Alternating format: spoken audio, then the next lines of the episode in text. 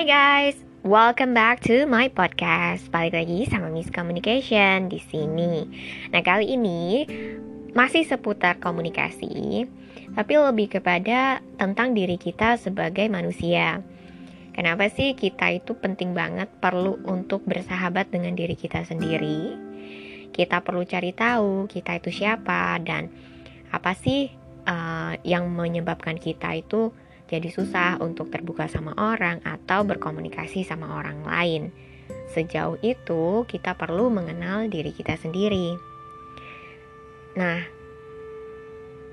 setelah kita tahu siapa diri kita yang sesungguhnya sebagai penciptaan, ciptaan dari Tuhan, kita itu sebenarnya punya panggilan sendiri-sendiri di dunia ini, dan kita perlu cari tahu panggilan kita itu untuk jadi apa. Karena Tuhan yang tahu karena Tuhan yang menciptakan kita, kita perlu untuk bertanya kepada Tuhan untuk apa kita hidup seperti itu. Dan dengan super conscious mind dengan diri kita sendiri, kita tuh bisa menemukan jawabannya selama kita terus mencari dan terus bertanya, terus meminta kepada Tuhan karena setiap kita pasti punya talent sendiri-sendiri, punya talenta masing-masing. Ini adalah poin-poin penting yang dibagikan oleh Joseph Murphy, salah satu pengajar. Udah dulu banget, dia hidup udah lama banget, udah meninggal sekarang, tapi bukunya tetap ada. Dan juga di dalam bukunya yang berjudul Subconscious Mind, dia tuh cerita kalau misalnya kita itu hidup itu tuh gimana sih biar bisa dapetin apa yang kita mau? Karena itu tuh perlu proses.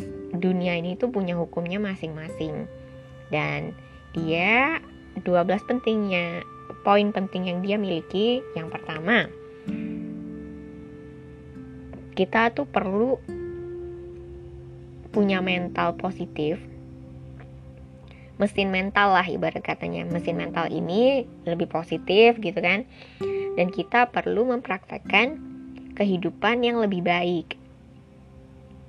Yang kedua hasrat kita, keinginan kita, passionnya kita itu tuh sebenarnya sama aja sama kayak doa kita.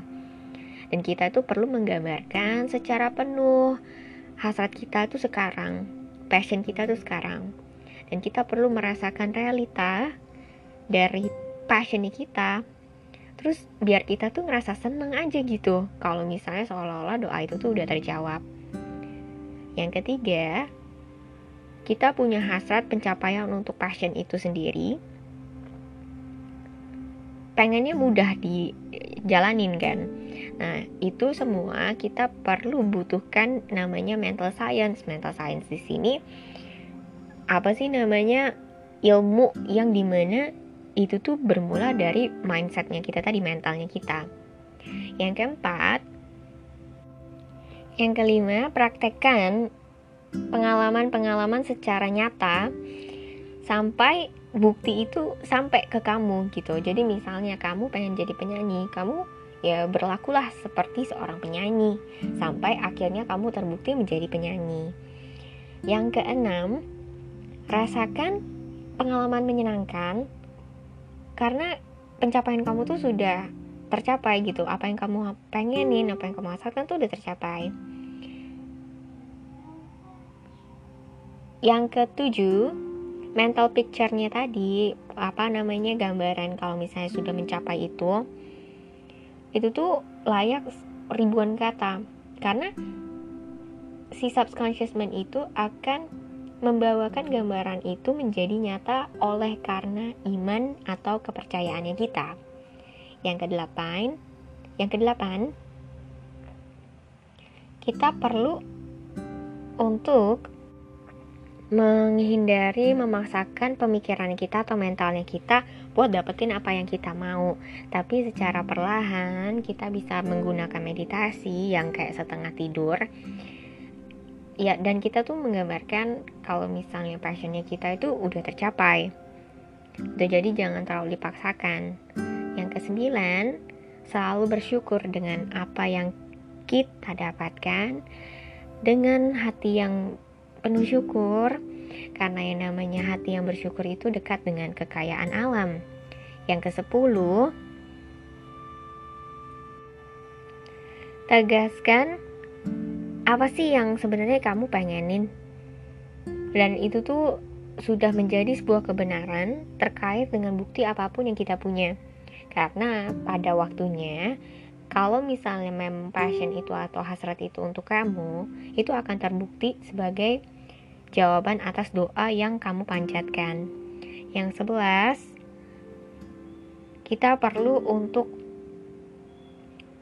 mengenerasikan pemikirannya kita tuh seperti gelombang harmoni tentang kesehatan, keharmonisan, dan kedamaian dengan berpikir tentang cinta dan kemuliaan Tuhan. Yang kedua belas, apa yang kamu pengenin, apa yang kamu hasratkan, dan apa yang kamu rasakan sebagai sebuah kebenaran akan terbukti dengan keharmonisan, kesehatan, kedamaian, dan kelimpahan yang akan datang kepadamu sebagai doa yang terjawab.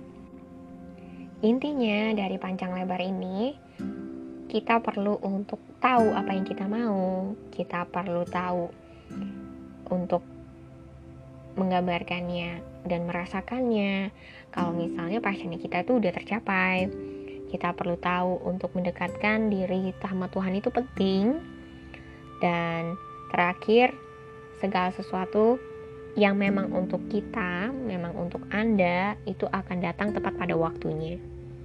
Semoga podcast kali ini bermanfaat dan selamat siang.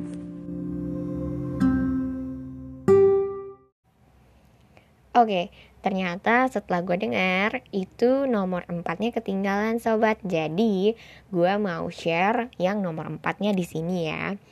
Nomor empatnya itu kita bisa membuat atau membangun kesehatan, kesuksesan, dan kebahagiaan dengan nih, ini penting banget memang dengan berpikir bahwa kita itu sudah mendapatkannya di dalam pikirannya kita. Jadi you can build radiant health, success, and happiness by the thought you think in the hidden studio of your mind. Jadi maksudnya kita itu sebenarnya bisa mendapatkan kebahagiaan, kesuksesan dengan berpikir di dalam pemikirannya kita. That's why Napoleon Hill di dengan bukunya yang terkenal sekali Think and Grow Rich itu maksudnya ya itu berpikir berpikir berpikir berpikir dan kamu akan menerima apa yang kamu pikirkan oke okay. thank you so much for listening have a great day